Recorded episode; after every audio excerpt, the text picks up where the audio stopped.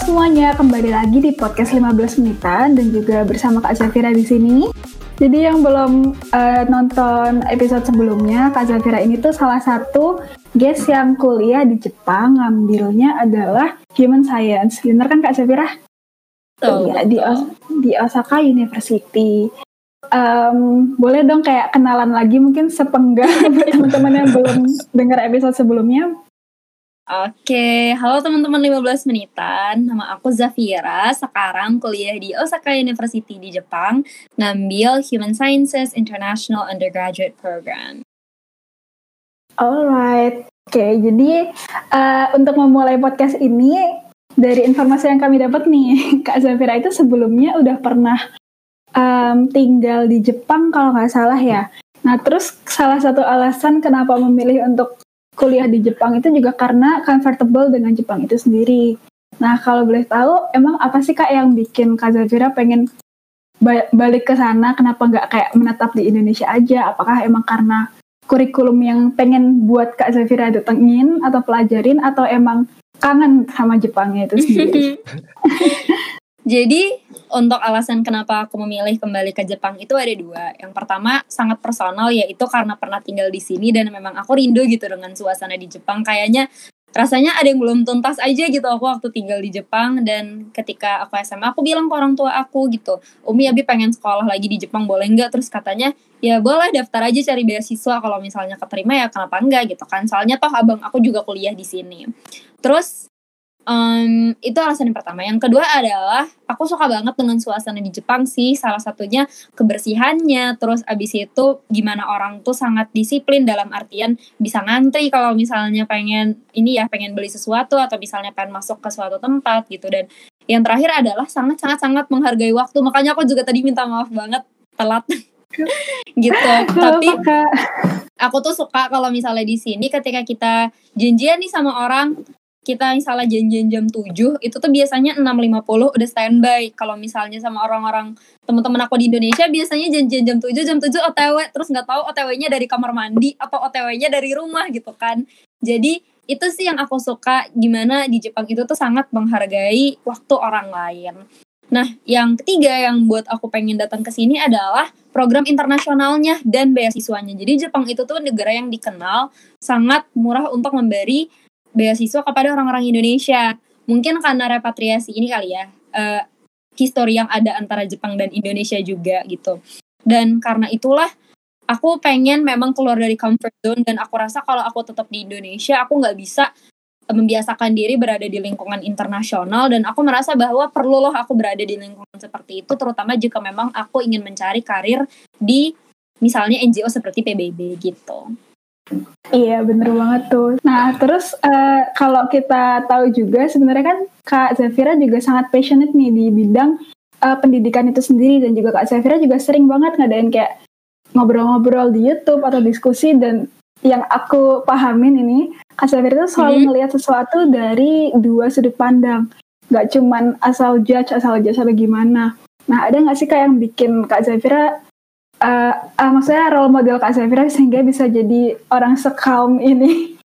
Mungkin ini kali ya, aku punya satu bukan mindset, satu quotes yang aku bawa dari dulu aku SMA sampai sekarang adalah treat people the way that you want to be treated. Gitu. Jadi kita benar-benar harus memperlakukan orang seperti sebagaimana aku ingin diperlakukan oleh orang. Dan aku merasa bahwa kalau misalnya aku nggak mau orang ngejudge aku berdasarkan satu sudut pandang doang, berarti aku juga harus bisa open minded terhadap orang lain.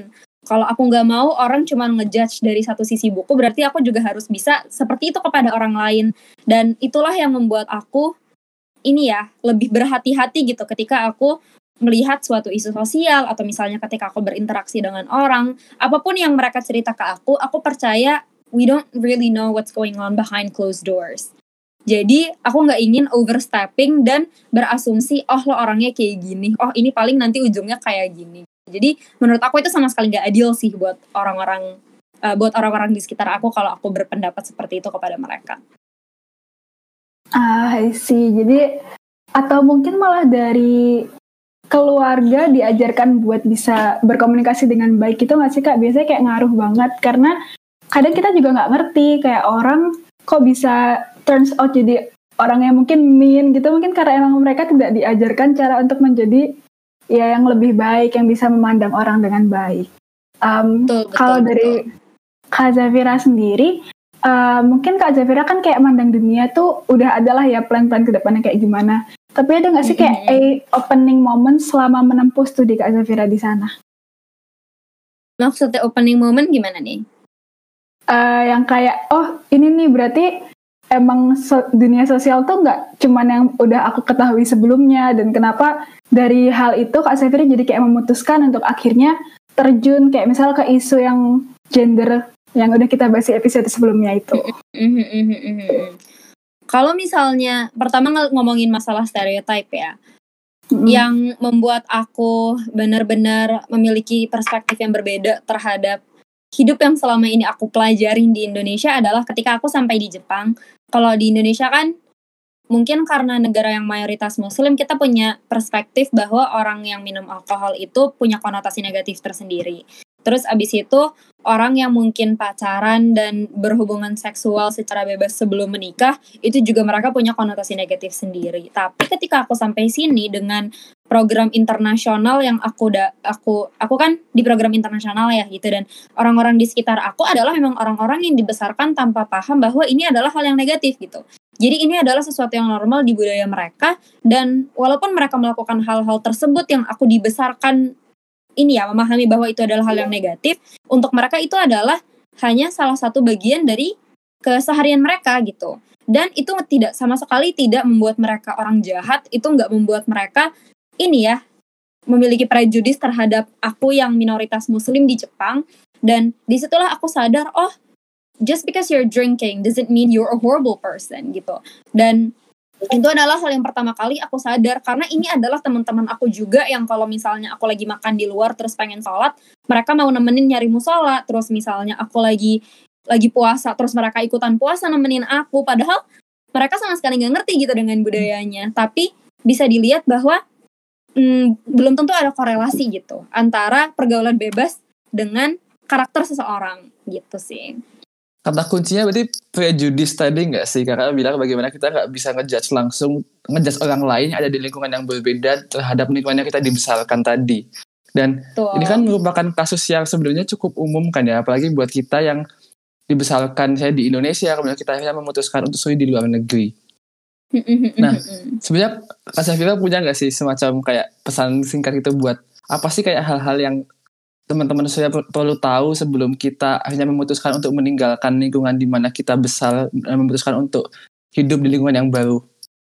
Hmm, kalau misalnya yang aku bisa bilang adalah keluar dari comfort zone itu pasti bakal uncomfortable. Namanya juga kita keluar dari comfort zone. Tapi di situlah kita bisa menemukan suatu proses pengembangan diri yang gak mungkin bisa kita lalui kalau misalnya kita tetap stay di comfort zone kita. Dan walaupun akan ada ketidaknyamanannya tersendiri, kalau misalnya kita bisa melewati ini, itu bisa menjadi apa ya? We will become a grown person so much more than we thought we would gitu. Dan ketika kita kembali lagi ke Indonesia dan kita mungkin bisa membandingkan diri kita dengan teman-teman seumuran kita mungkin kita bisa melihat perbedaan-perbedaan signifikan loh gitu. Yang mungkin kita di sini ditempa untuk nyari ini ya nyari pemasukan melalui part time job sementara di Indonesia nggak ada budaya seperti itu. Ketika kita ketemu lagi kita merasakan oh begini loh rasanya dibesarkan di dua budaya yang berbeda dengan dua tuntutan yang berbeda dan itu menurut aku pengalaman yang sangat-sangat worth it gitu. Dan kalau tadi Kak Safira bilang bagaimana sudah membandingkan apa yang dialami di Jepang dan kemudian dibandingkan dengan Indonesia, punya nggak sih kayak Kak Safira punya mimpi-mimpi nggak? Apa yang kepingin dibawa ke Indonesia gitu misalnya? yang yang pengen aku bawa ke Indonesia aku rasa tadi udah saat udah kita bahas ya di topik yang pertama gitu. Cuman um, hal lain yang pengen aku bawa ke Indonesia adalah mengenai ini sih tentang passion untuk belajar. Kenapa karena tuh? mungkin aku juga dibesarkan di satu keluarga yang mungkin karena orang tua aku sampai dokter juga ya di Jepang. Lalu abang aku juga pengen dokter juga aku juga gitu. Karena itu adalah sesuatu yang sangat dibiasakan gitu di keluarga aku. Tapi ketika aku mulai berinteraksi gitu dengan teman-teman aku sadar bahwa kita nggak semua dibesarkan untuk menyukai apa yang kita lakukan tapi kita dibesarkan untuk mengejar apa yang mungkin praktis untuk kita atau bahkan bisa membawa pemasukan yang paling besar untuk kita. Jadi ada teman aku yang pengen mengejar passion di arts atau pengen mengejar passion di culinary, tapi terhalang oleh siapa? Oleh orang-orang di sekitar mereka sendiri gitu atau orang-orang terdekat di mereka sendiri yang mikir, tapi kamu bisa kerja apa dengan uh, mengejar cita-cita seperti itu gitu. Jadi itu adalah yang membuat kita mungkin ada satu sih quotes yang sempat aku baca kayaknya baru hari ini apa kemarin gitu oleh Boys William yang dia bilang Boy William ya youtuber hmm. yang dia bilang lo nggak suka hari Senin karena lo nggak suka dengan pekerjaan lo. Gue suka hari Senin karena gue suka pekerjaan gue. Nah aku pengen bisa bagaimana caranya membawa kesukaan terhadap belajar ini ke teman-teman di Indonesia yang merasa bahwa kak aku nggak suka sama jurusan aku atau kak aku gimana ya aku gimana ya aku gimana ya gitu. Karena when you do what you love, then working is never going to be a chore for the rest of your life. Gitu. Tapi sayangnya nggak semua orang punya ini ya mungkin privilege atau opportunity untuk bisa mengejar sesuai dengan passion mereka. Hmm, bicara soal tadi kita kembali ke quote yang Kak Zahira bilang bagaimana kita sering kali tidak dibesarkan untuk menyukai apa yang kita lakukan. Dan hasilnya juga emang terjadi di lingkungan kita terutama kalau kita kembali lagi waktu kita, di Indonesia kan banyak teman-teman kita yang memutuskan harus meninggalkan apa yang mereka mungkin inginkan demi sesuatu yang lebih pasti dalam kehidupan mereka. Tapi kan juga di sisi lain kita kan nggak bisa bilang kalau kalau kita memaksa mereka untuk mengerjakan apa yang mereka suka itu kan juga emang pasti ada yang mereka korbankan juga kan seperti kayak financial stability tapi itu kan, nah, tapi apakah itu sesuatu yang bisa diperbaiki karena melihat sistem kita di mana tidak semua pekerjaan itu bisa dianggap sebagai pekerjaan yang stabil secara finansial gitu? Menurut aku ini sih, menurut aku justru ya untuk orang-orang misalnya yang pengen pursue arts perlu ada suatu ini juga klarifikasi di miskonsepsi yang ada di lingkungan kita terhadap stereotip-stereotip yang terkait dengan ini ya jurusan-jurusan seperti ini. Kayak misalnya contoh paling simple. Mikir bahwa oh, anak IPA pinter, anak IPS itu oh berarti anak-anak yang gak keterima jurusan IPA. Nah, mulai dari stereotip seperti itu tuh perlu banget menurut aku harus kita sama-sama itu PR kita untuk bisa kita hilangin karena dengan ada stereotip seperti itu orang yang dari awal emang sebenarnya pengen daftar IPS pun otomatis masuk oleh kategori itu dan mungkin itu juga yang bisa membuat mereka hilang semangat gitu untuk tetap belajar jadi eh, konotasi-konotasi seperti itu sebenarnya bisa kita klarifikasi dengan memberi awareness bahwa kamu pengen job ini, kamu pengen mengejar passion ini, ya inilah jobnya yang ada. Tapi sayangnya ketika kita misalnya ini di sekolah aku ada edu fair ketika kelas 12. Tapi yang didatangkan adalah orang-orang yang memang hanya dari misalnya pengacara atau diplomat atau dokter. Tapi nggak memfokuskan kepada profesi-profesi lain yang berhubungan dengan misalnya ini ya reporter atau misalnya orang-orang yang presenter yang seperti itu. Jadi ada ini ya sistem yang bergerak juga yang berkontribusi terhadap stereotip-stereotip ini kalau menurut aku. Dan untuk memperbaiki stereotip ini, menurut Kak Syafira, where should we start? Dari mana kita bisa memulai perubahan ini? Menurut aku, starting from the closest people around us gitu. Jadi kayak misalnya ini aku punya adik. Adik aku lagi kelas 12, dia pengen daftar kuliah. Terus habis itu dia punya banyak opsi dong. Dia sebenarnya pengen ini, tapi habis itu ada dorongan misalnya dari orang tua seperti ini. Terus habis itu dari aku juga kenapa nggak ini aja gitu. Jadi basi, jadi banyak hmm. banget gitu kan option bikin dia pusing juga. Sampai akhirnya waktu itu aku duduk sama dia terus aku tanya, whatever it is that we're saying at the end of the day you're the one who's gonna choose. Tapi kalau misalnya pilih ini bagusnya di sini konsekuensinya di sini pilih ini bagusnya di sini konsekuensinya di sini karena semua nggak mungkin bagusnya aja kan yang harus kita pertimbangin jadi dari orang-orang terdekat aja gitu. Menurut aku impact yang paling kelihatan, paling nyata adalah ketika itu adalah yang benar-benar bisa kita sentuh gitu. Oke, okay. dan mungkin untuk menutup podcast kita hari ini, ada nggak sih pesan yang ingin Kak Zafira sampaikan buat teman-teman yang dengerin, apalagi juga yang mungkin masih berjuang untuk mencari jalan hidup nih, kepingin pursue di bidang apa? Kak Zafira punya pesan nggak buat kita? Kalau menurut aku, yang pertama tentu adalah untuk tahu what do you want to do. What do you want to do for the rest of your life. Kalau misalnya kamu udah ada di satu titik dan kamu merasa kamu tidak ingin melakukan ini selama 20 tahun, 30 tahun ke depan, maybe it's time to think of something else. Tapi kalau misalnya itu bukan menjadi opsi, nggak apa-apa gitu. Karena Tuhan juga kalau misalnya memberi jawaban dari doa itu kan ada tiga ya. Iya, belum dan enggak. Nah mungkin adalah titik ini adalah titik belumnya kita gitu. Dan itu adalah sambil kita nunggu jawaban belum itu jadi iya, itu adalah di mana kita harus berjuang keras. Itu sih kalau menurut aku. Thank you Kak Safira udah ngasih pesan buat teman-teman yang dengar. Jadi intinya tetap bersabar aja. Pokoknya pahamin yang dipengenin ya Kak ya, biar nanti ujungnya juga ntar bakal ngelakuin yang disuka gitu. Tetap harus diiringin dengan kerja keras ya teman-teman. Kalau sabar doang kita nggak ke mana-mana soalnya. Pasti. Bener bener bener. Sayang banget kita ada di penghujung podcast 15 menitan.